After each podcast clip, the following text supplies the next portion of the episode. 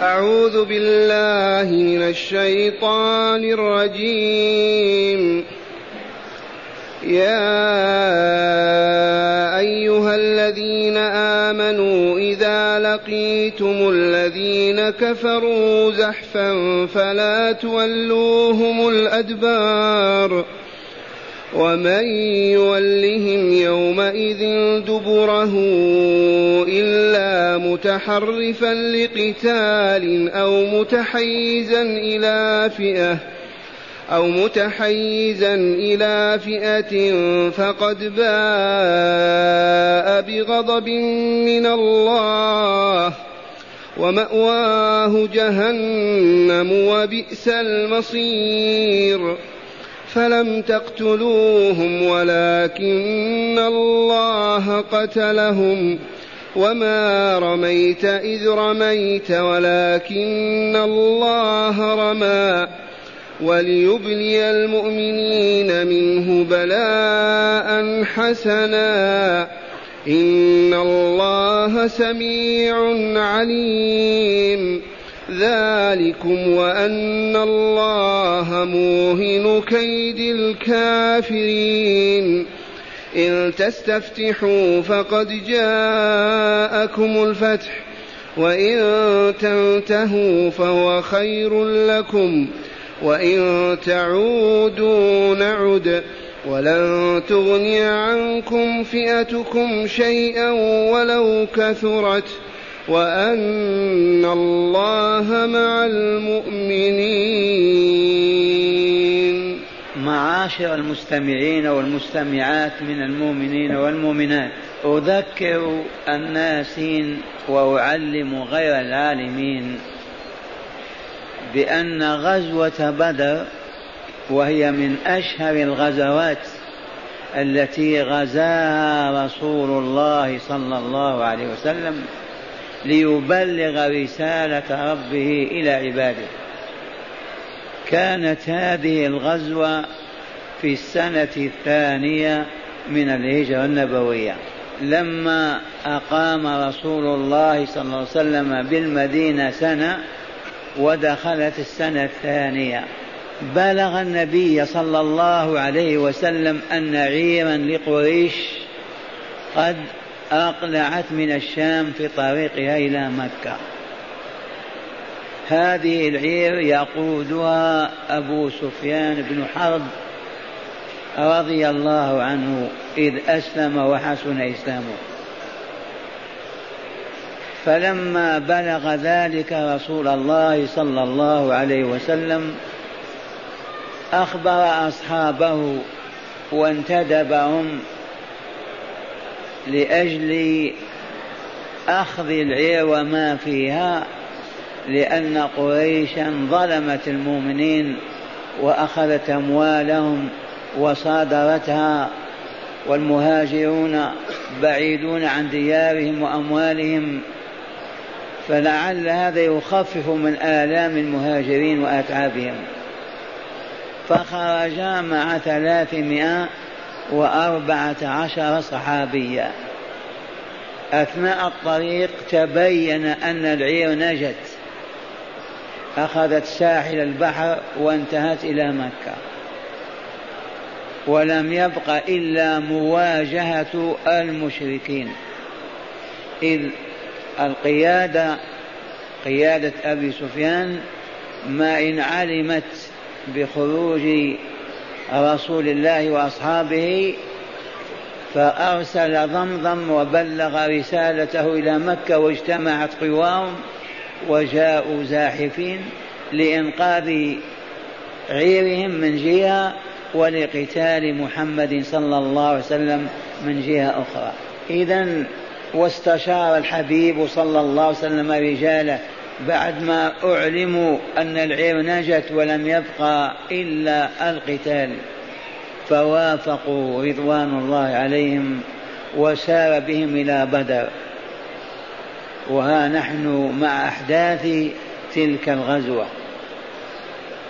قال تعالى يا أيها الذين آمنوا يا من آمنتم بالله ربا وبالإسلام دينا وبمحمد نبيا ورسولا. يا من آمنتم بالله ولقائه في الدار الآخرة والجزاء على الكسب في هذه الدنيا. أيها المؤمنون الصادقون إذا لقيتم الذين كفروا زحفا فلا تولوهم الأدبار. هذا تعليم من الله عز وجل لأصحاب رسول الله ولكل مؤمن بعدهم. فلا معنى لتخصيص هذه بغزوة بدر فالعبرة بعموم اللفظ لا بخصوص السبب. فأيما مؤمنون يقاتلون الكافرين إلا ويجب عليهم أن يلتزموا بهذا التعليم الإلهي. ولا يحل لهم الخروج عنه لا بتأويل ولا بغير تأويل. إذا لقيتم الذين كفروا زاحفين وهم كذلك زاحفون إليكم في هذه الحال فلا تولوهم الأدبار. أي لا تهربوا وتعطوهم ظهوركم وأدباركم. والتعبير بالأدبار فيه لمسة عجيبة. الذي يعطي دبره لعدوه ما هو بإنسان ما هو بذي كمال لا تولوهم الأدبار. ومن يولهم يومئذ دبره ومن يولهم أي يعطيهم ساعة الزحف واللقاء يهرب ويعطيهم دبره. واستثنى الله عز وجل حالتين. إلا من كان متحيزا متحرفا لقتال. يتحرف القتال ليقوى على ضرب العدو. فيميل يمينا أو شمالا. أو يظهر كأنه أدبر وهرب. وهو يريد أن يلف ويعود إليهم من ورائهم ليهزمهم. فهذا التدبير بإذن الله عز وجل وعرفه أهل القتال. إلا متحرفا لقتال أو متحيزا إلى فئة. وإذا ضعف ورأى أن هناك فئة قوية من إخوانه فالتحق بهم وزحف إليهم فلا بأس. أو ضعف وأراد أن يقوي إخوانه في جماعة إلى جنبه تقاتل فانحاز إليهم فهذا لا إثم فيه ولا حرج. يا أيها الذين آمنوا إذا لقيتم الذين كفروا زحفا فلا تولوهم الأدبار. ومن يولهم يومئذ دبره إلا متحرفا لقتال أو متحيزا إلى فئة فقد باء بغضب من الله. ومأواه جهنم وبئس المصير. فلهذا بالإجماع أن من فر من المعركة معطيا دبره لأعداء الله فقد ارتكب أكبر إثم وأعظمه ورجع في غضب من الله يغمره من كل جنبات حياته. وباء بغضب ومأواه جهنم وبئس المصير جهنم والعياذ بالله تعالى. هذه كبيرة من كبائر الذنوب. والرسول صلى الله عليه وسلم سئل يوما عن كبائر الذنوب قال اتقوا سبع موبقات منها التولي يوم الزحف. التولي هو الرجوع بعد الزحف. أما قبل القتال فالأمر واسع. لكن إذا التقى الجيشان وزحف كل منهما إلى الآخر في هذه الحال يحرم على المؤمن أن يهرب بحال من الأحوال. هناك آية ستأتي في هذه الصورة وهي أن الله عز وجل سمح للواحد أن يقاتل اثنين أما أكثر من اثنين لا يستطيع. سمح للعشرة أن يقاتلوا مئة لكن مئتين ما يقاتلون. وسيأتي هذا في آخر السورة. ونحن الآن مع هذه الآيات المتعلقة بغزوة بدر. فأمر الله تعالى عباده إذا لقوا العدو وجها لوجه ألا ينهزموا فلا يتراجعوا مدبرين أبدا. واستثنى تعالى حالتين. الأولى أنك تهرب من وجه العدو لتأتي من ورائه لتسلط عليه سهامك ورماحك. فهذا للتحيل على الحرب وليس للهزيمة والفرار من القتال. الثاني أن تضعف الجماعة التي معك أو تهلك فتنضم إلى جماعة أخرى ما زالت قوية تقاتل معها لنصرتها ولنصرة دين الله عز وجل. هذا معنى قوله تعالى في هذا النداء يا أيها الذين آمنوا إذا لقيتم الذين كفروا زحفا فلا تولوهم الأدبار. ومن يولهم يومئذ دبره اللهم ومن يولهم دبره إلا متحرفا لقتال أو متحيزا إلى فئة فقد باء بغضب من الله ومأواه جهنم وبئس المصير. معاشر المستمعين والمستمعات من المؤمنين والمؤمنات اتقوا الكبائر ولا تقولوا أنا مسلم أنا مؤمن فلا تضرني كبيرة قارفتها أو جريمة فعلتها. وها نحن نسمع كلام الله فقط فر من القتل لعجزه لضعفه لجبنه وخواره يتوعده الله بهذا الوعيد الشديد. فقد باء بغضب من الله ومأواه جهنم وبئس المصير. اجتنبوا السبع الموبقات قالوا يا رسول الله ما هي؟ قال الشرك بالله وعقوق الوالدين وأكل مال اليتيم والتولي يوم الزحف وقذف المحصنات الغافلات المؤمنات. كبائر الذنوب موجبه للعذاب موجبه لدخول النار إلا أن يعفو الله ويغفر وهو الغفور الرحيم. ولا بد من التوبة القاطعة الجازم الخالي من التردد قبل الموت. فهذا الذي فر وهرب ارتكب ذنبا استوجب العذاب لكن إذا تاب وندم واستغفر ولم يعد إلى ذنبه يغفر له لأن التائب من الذنب كمن لا ذنب له. التوبة تجب ما قبلها. من ارتكب كبيرة ثم تاب أي رجع إلى الله واستغفر وندم وأصر أن لا يعود ولو يحرق ولو يصلب فذاك الذنب وإن كان من أكبر الذنوب ينمحي ويذهب أثره من على نفسه ولا يشعر به. التوبة تجب ما قبلها. ثم قال تعالى فلم تقتلوهم ولكن الله قتلهم. لما نصر الله المؤمنين في بدر وهم ثلاثمائة وثلاثة عشر نصرهم على ألف مقاتل. من صناديد قريش ورجالاتها. فقتلوا منهم سبعين صنديدا وأسروا منهم سبعين رجلا. أعلمهم حتى لا يزهوا ويتكبروا ويرتفعوا. قال ماذا قال؟ فلم تقتلوهم. ما أنتم الذين قتلتم أولئك الصناديد من قريش ولكن الله هو الذي قتلهم. ما معنى هذا الكلام؟ أليس الله هو الذي أرسل الملائكة وأنزلهم فلامسوا قلوبكم ونفخوا فيها روح الثبات والصبر والرغبة فيما عند الله والرغبة عن الدنيا وما فيها؟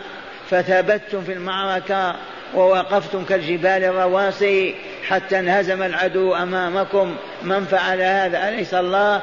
إذا فالله هو الذي قتلهم. ما أنتم الذين قتلتموهم؟ مرة ثانية. أليس الله الذي خلقك يا عبد الله؟ أليس هو الذي قواك وأقدرك على القتال؟ أليس هو الذي قتل ذلك الكافر بأجله؟ إذا فينسب هذا على الحقيقة لله. فما قتلت فلم تقتلوهم ولكن الله قتلهم. مرة ثانية إياك يا بني أن تعجب وتنتفخ إذا انتصرت أو نجحت أو بلغت مرادك. اعلم أن ذلك هو فعل الله وهو الذي أقدرك وأعانك وهيأ لك الفرصة وساعدك على ذلك. لو كنت وحدك والله ما تحقق شيء والسر أن لا نصاب بالعجب والانتفاش والانتفاخ لأنني حققت أو فعلت أو فعلت. هذا من تأديب الله لعباده المؤمنين. انتصروا في المعركة وأعلمهم أنهم ليسوا هم الذين قتلوا السبعين صنديدا بل الله الذي قتلهم. حتى ما يصابوا بالزهو والفخر والاغتيال ثم قال تعالى وما رميت إذ رميت وجه الخطاب لمصطفاه لرسوله صلى الله عليه وسلم وأنت يا عبدنا يا رسولنا لما رميت حفنة التراب فوصلت إلى وجه كل مشرك وأخذ ينفض التراب من عينيه فانهزم. هل هذا فعلك أنت يا محمد؟ أنت نعم أرشدناك خذ حفنة من التراب وقل شاهت الوجوه. شاهت الوجوه فوقعت في عين كل مقاتل من ألف مقاتل. وأخذوا ينفضون ويفسحون التراب عن وجوههم. من فعل هذا؟ فعل هذا فعل الله. نعم رسول الله أمر وأخذ التراب وقال بسم الله شاهت الوجوه لكن من أوصل ذلك التراب إلى ألف مقاتل. وحاشا رسول الله صلى الله عليه وسلم أن يصاب بالعجب. أو بالاختيار والفخر وقد عرفنا من كمالات أخلاقه التواضع. لكن من باب إياك أعني واسمعي يا جارة. حتى ما ينتفش المؤمنون إذا كملوا وسعدوا بل عليهم أن يذكروا الفضل فضل الله لولا الله ما كان هذا ولا يكون. سبحان الله كيف أدب الله هذه الأمة. وهل عرف المسلمون هذا ما يعرفونه؟ لأنهم ما يجتمعون على القرآن اجتماعنا هذا أبدا ولا واحد في المليون. كيف يعرفون كلام الله؟ ولكن يجتمعون على القرآن ليلة الموت. نكرر هذا من باب البيان. من أندونيسيا شرقا إلى موريطانيا غربا والمسلمون يجتمعون على القرآن ليلة الموت فقط. أما أن يجتمع عليه دراسة وتحليل وتعريف وهداية وبنية العمل والأخذ في طريق السلام هذا حرمنا منه من قرون قريب ألف سنة. إذا قال تعالى وما رميت يا رسولنا إذ رميت ولكن الله رمى وهكذا كل أفعال العباد الله هو خالقها الله خالق كل شيء. إذا ضربت بيدك من خلق يدك؟ من سخرها؟ من أوجدك الدافع في قلبك حتى تضرب؟ الكل عائد إلى الله. ثم قال تعالى وليبلي المؤمنين منه بلاء حسنا. وليبلي المؤمنين منه تعالى بلاء حسنا. فعل هذا الذي فعل من أجل ماذا؟ من أجل أن يبلي المؤمنين منه البلاء الحسن. ألا وهو نصرتهم ألا وهو انتصارهم على عدوهم وأخذهم غنائمه العديدة الكبيرة وأسراهم فعل الله هذا بالمؤمنين ليبتليهم بالخير والبلاء يكون بالخير والشر امتحانا واختبارا. قال تعالى ونبلوكم بالشر والخير فتنة وإلينا ترجعون. ونبلوكم يا عباد الله بالشر والخير اختبارا وامتحانا. فمن ابتلي بالخير ولم يشكر هلك والعياذ بالله ما نجح خاب وخسر. ومن ابتلي بالعذاب ومن ابتلى بالشر فلم يصبر وجزع وسخط كذلك هلك. والعكس والعكس خير. من ابتلي بالحسن فشكر الله وحمده وأطاعه وازداد رغبة في حبه وطاعته فاز بهذا الابتلاء نجح.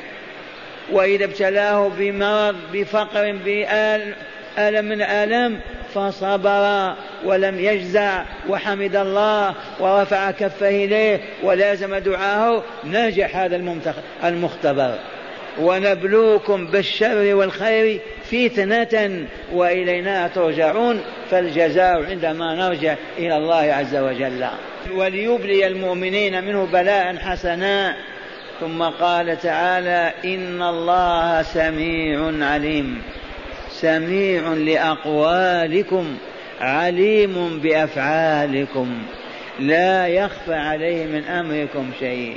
حتى لو حدثت نفسك بحديث علمه لأن علمه أحاط بكل شيء. سميع يسمع دبيب النملة السوداء في الليلة الظلماء. يسمع كل شيء. إذ هو خالق الأصوات. ما الأصوات؟ من خلقها؟ كيف لا يسمعها؟ وهذا تقرير لما تقدم في الآية الكريمة. فعل ذلك بكم إنه سميع عليم. ثم قال تعالى ذلكم الذي حصل وتم وأن الله موهن كيد الكافرين. ذلكم النجاح والظفر الذي تم بإذننا وقدرتنا وأن الله موهن كيد الكافرين. أي مضعفهم هازمهم وكذلك فعل خمس وعشرين سنة فقط من قتال الرسول والجزيرة كلها ما فيها إلا لا إله إلا الله. بل خمس وعشرين سنة من تاريخ أصحابه والإسلام وراء نهر السند وفي الأندلس. هذه بشرى وإلا لا؟ وأن الله موهن مضعف كيد الكافرين. مهما تجمعوا مهما تقووا مهما كان الله عز وجل مضعف كيدهم ومبطلوه. لماذا؟ لأنهم كافرون به وبلقائه وبرسوله وبكتابه ودينه. لا تقولن وقد انهزم المسلمون غير ما مر. لقد بين تعالى سبب ذلك وهو الخروج عن طاعته وطاعة رسوله. الخروج عن طاعة الله وطاعة رسوله هو سبب الهزيمة إذا أصابت المسلمين. والمسلمون مهزومون هابطون من ظلمهم حاشا لله أن يكون قد ظلمهم. ولكن انحرفوا عن الجاده وابتعدوا عن الطريق وآثروا الحياة الدنيا على الآخرة وأقبلوا على هذه الفتن فلذلك أصابهم ما أصابهم. مع العلم الذي نكرره أن هبوط المسلمين من علياء سمائهم وسقوطهم من إرادتهم وقيادتهم وسيادتهم كان من كيد الكافرين لهم. هل نذكر الثالوث الأسود؟ المكون من المجوس واليهود والنصارى. هذه الفئات الثلاثة تعاونت على المسلمين وحاربوهم وفشلوا في حربهم فقالوا نبحث عن سر قوتهم وبذلك يمكننا أن نهينهم ونذلهم. ودرسوا وعرفوا أن سر قوة المسلمين ونصرهم واجتهادهم وبطولاتهم هو كامن في عقيدتهم السليمة الصحيحة. فهيا نفسد عقائدهم وبذلك يهبطون لنا. ما إن داخل العقيدة الزيادة والنقصان إلا وهبطت أمة الإسلام. العقيدة. وحسبهم فيما فعلوا أنهم وقالوا في تفسير القرآن الكريم صوابه خطأ وخطأه كفر. إذا فسرت آية وأصبت فأنت مخطئ آثم مذنب.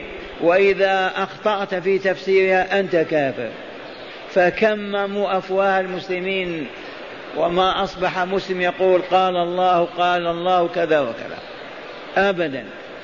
صواب التفسير خطأ وخطأه خطأ وهذه الأمة حيت بماذا؟ ما هي روح حياتها؟ ألا وهو الوحي الإلهي. واقرأوا قوله تعالى وكذلك أوحينا إليك روحا من أمرنا. ما كنت تدري ما الكتاب ولا الإيمان ولكن جعلناه نورا نهدي به من نشاء من عبادنا وإنك لتهدي إلى صراط مستقيم. قوله ولكن جعلناه نورا. وكذلك أوحينا إليك روحا. القرآن روح الحياة. إذا أقبلت عليه الأمة تقرأه وتعمل بما فيه حيت ونجحت وفازت. أعرضت عنه أهملته رغبت عنه هبطت وهلكت. ذلكم الذي تم وأن الله ما زال موهد موهن كيد الكافرين. وهذا تشجيع المسلمين على الجهاد ومواصلته. وبشرى صار المسلمين وضار بالكافرين وهي أن الله تعهد بأن يصب عليهم الوهن والضعف والعجز دائما ما قاتلوا المؤمنين. الآية الأخيرة اسمعوها تأملوا. إن تستفتحوا فقد جاءكم الفتح وإن تنتهوا فهو خير لكم. وإن تعودوا نعد نعد ولن تغني عنكم فئتكم شيئا ولو كثرت وأن الله مع المؤمنين. مرة ثانية. يقول تعالى إن تستفتحوا أي تطلبوا الفتح والنصر فقد جاءكم الفتح والنصر. وإن تنتهوا وتمتنعوا أي من الكفر والشرك والظلم فهو خير لكم. وإن تعودوا من جديد إلى حرب المسلمين وقتالهم نعد نحن أيضا ولن تغني عنكم جماعاتكم ولا جيوشكم ولا فئاتكم شيئا. هنا تقول الروايات الصحيحة لما بلغ أبا سفيان وأهل مكة خروج الرسول صلى الله عليه وسلم لقتالهم أولا لأخذ عيرهم ثم قتالهم. قالوا اللهم أينا كان أفجر لك وأقطع على الرحم فاحنه اليوم. هذه قالوها في بدر. وقالوا كلمة قبلها في مكة. اللهم اقطعنا اللهم أقطعنا للرحم وآتانا بما لا نعرف. فأحنه الغداء أي أهلكه غدا. هذه الأولى. اللهم هكذا قال أبو جهل وغيره. اللهم أقطعنا للرحم وآتانا بما لا نعرف فأحنه أي أهلكه الغد يعني غدا. لما وصلوا إلى بدر قالوا اللهم أينا كان أفجر لك وأقطع الرحيم فأحنه اليوم. فهمتم ماذا طلبوا من الله؟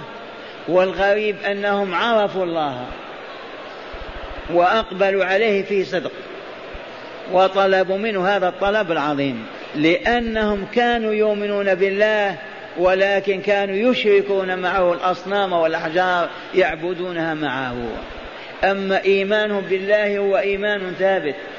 ولئن سألتهم من خلقهم ليقولن الله. ولئن سألتهم من خلق السماوات والأرض ليقولن خلقهن العزيز العليم. ما كانوا ملاحدة ولا بلاشبة ولا دهريين بل كانوا مؤمنين بالله عز وجل. ربا.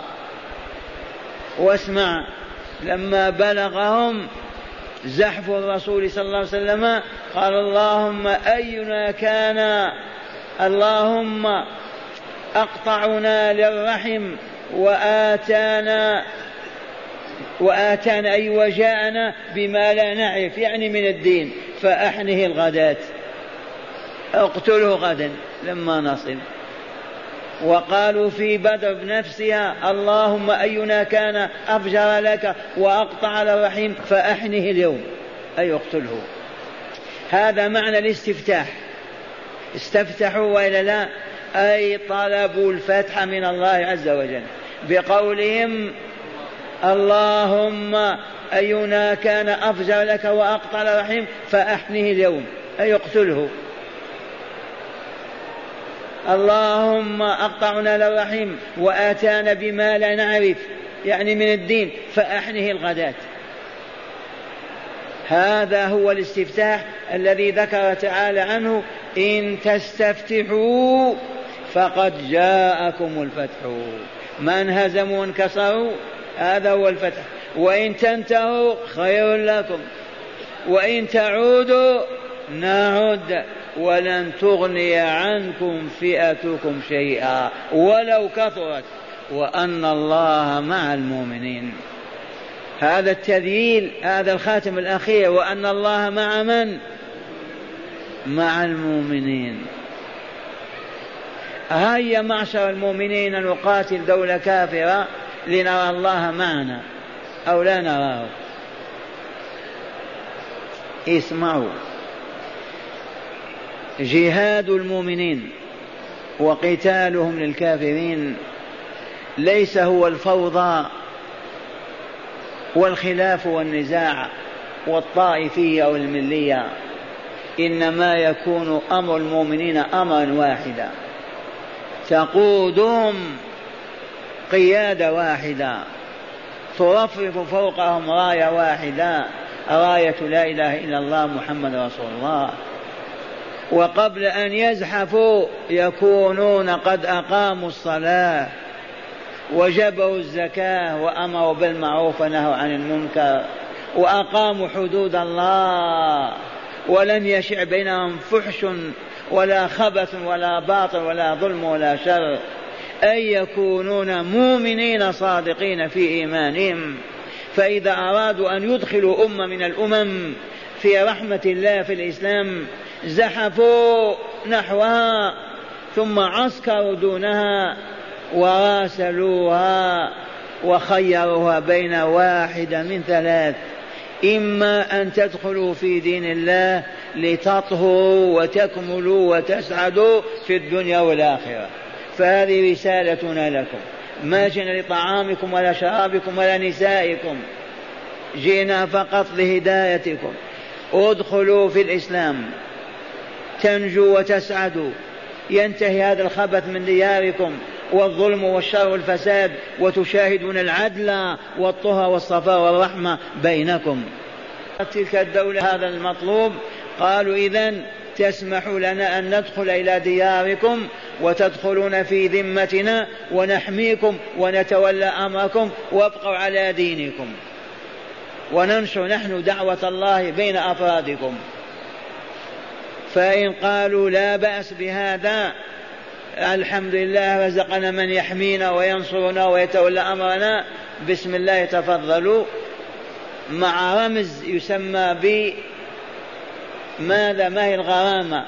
رمز صغير على الرجال فقط والقادرين على العمل وهو الجزية فقط. وما يمكثون أربعين يوما إلا والإسلام يدخل كل بيت. لأنهم إذا شاهدوا المسلمين في طهارتهم وصفائهم صدقهم ووفائهم كمالاتهم يدخلون في رحمة الله عز وجل. فإن رفضوا الثانية لم تبق إلا الثالثة. إذا فالقتال بيننا وبينكم حتى يحقق الله مراده منا. فيقاتلونهم باسم الله من أجل الله ومن ثم ينصرهم الله ولا يهزمهم. لأن الله أخبر أنه مع المؤمنين في أية معركة يتم فيها طاعة الله وطاعة رسوله صلى الله عليه وسلم. أما مؤمنون ويعصون الله أثناء المعركة ما يكون الله معهم بل يؤدبهم بالهزيمة. وقد شاهدنا بالأمس هزيمة أحد شر هزيمة قتل فيها عم رسول الله ومثل به قتل فيها سبعون مؤمنا سببها معصية الرسول صلى الله عليه وسلم. في غزوة حنين كانت هزيمة مرة أيضا في أول النهار وسببها المخالفة لرسول الله صلى الله عليه وسلم ولكلمة لن نغلب اليوم من قلة. فلنذكر دائما أن المؤمنين أولياء الله فهو لا يخذلهم أبدا ولا يهزمهم إذ بيده النصر وبيده الهزيمة على شرط أن يكونوا أولياء لله بحق. من هم أولياء الله؟ المؤمنون المتقون. من هم أولياء الله؟ المؤمنون المتقون. ليسوا أولئك الذين بنيتم على قبورهم أضرحا ووضعتم توابيت من خشب ووزور من حرير وقلتم هؤلاء أولياء الله. من هم أولياء الله إذن؟ اسمع البيان من الله. جاء من سورة يونس عليه السلام. قول الله تعالى ألا إن أولياء الله لا خوف عليهم ولا هم يحزنون. هذا وعد الله ووعد الله صدق وحق. والله أولياء الله لا يخافون لا في هذه الحياة ولا في البرزخ ولا يوم القيامة ولا يحزنون أيضا. ولي الله ما يحزن. مات امرأته أبدا ما يحزن. مات ولده يدفن وهو يحمد الله ويبتسم. ما في حزن. أولياء الله لا خوف عليهم ولا يحزنون. لا في الدنيا ولا في القبر ولا يوم القيامة. وكأن سائلا يقول من هم أولياء الله؟ لأن هذا السؤال هذا الكلام فيه معنى السؤال. ألا إن أولياء الله لا خوف عليهم ولا هم يحزنون؟ فليقول قائل من هم أولياء الله؟ فيجيب الله عز وجل بقوله الذين آمنوا وكانوا يتقون. لهم البشرى في الحياة الدنيا. وفي الآخرة لا تبديل لكلمات الله ذلك هو الفوز العظيم. من هم أولياء الله؟ المؤمنون المتقون. كل مؤمن تقي هو لله ولي كل مؤمن فاجر ليس بتقي كل كافر وإن كان تقيا فليس بولي.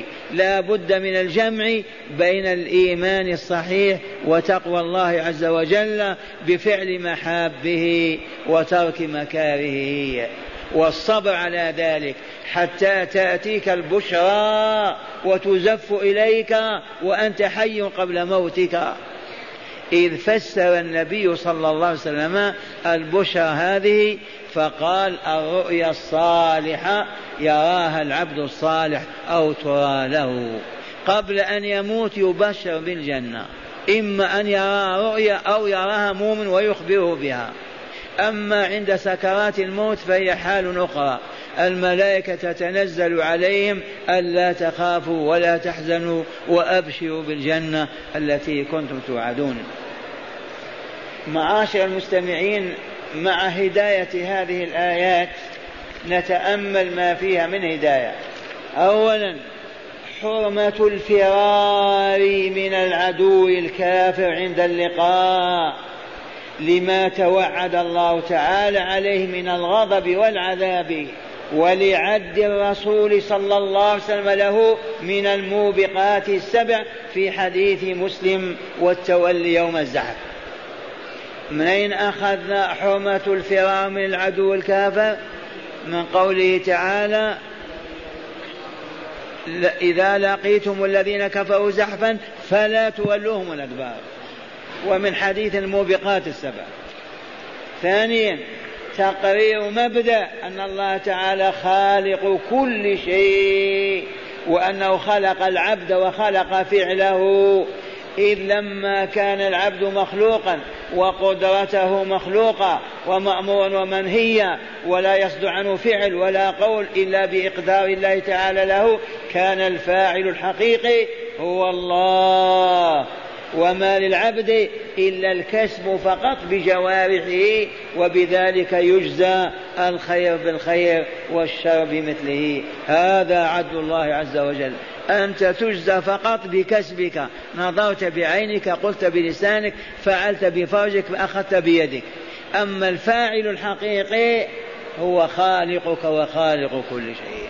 ثالثا آية وصول حثية التراب من كف الرسول صلى الله عليه وسلم إلى أغلب عيون المشركين في المعركة.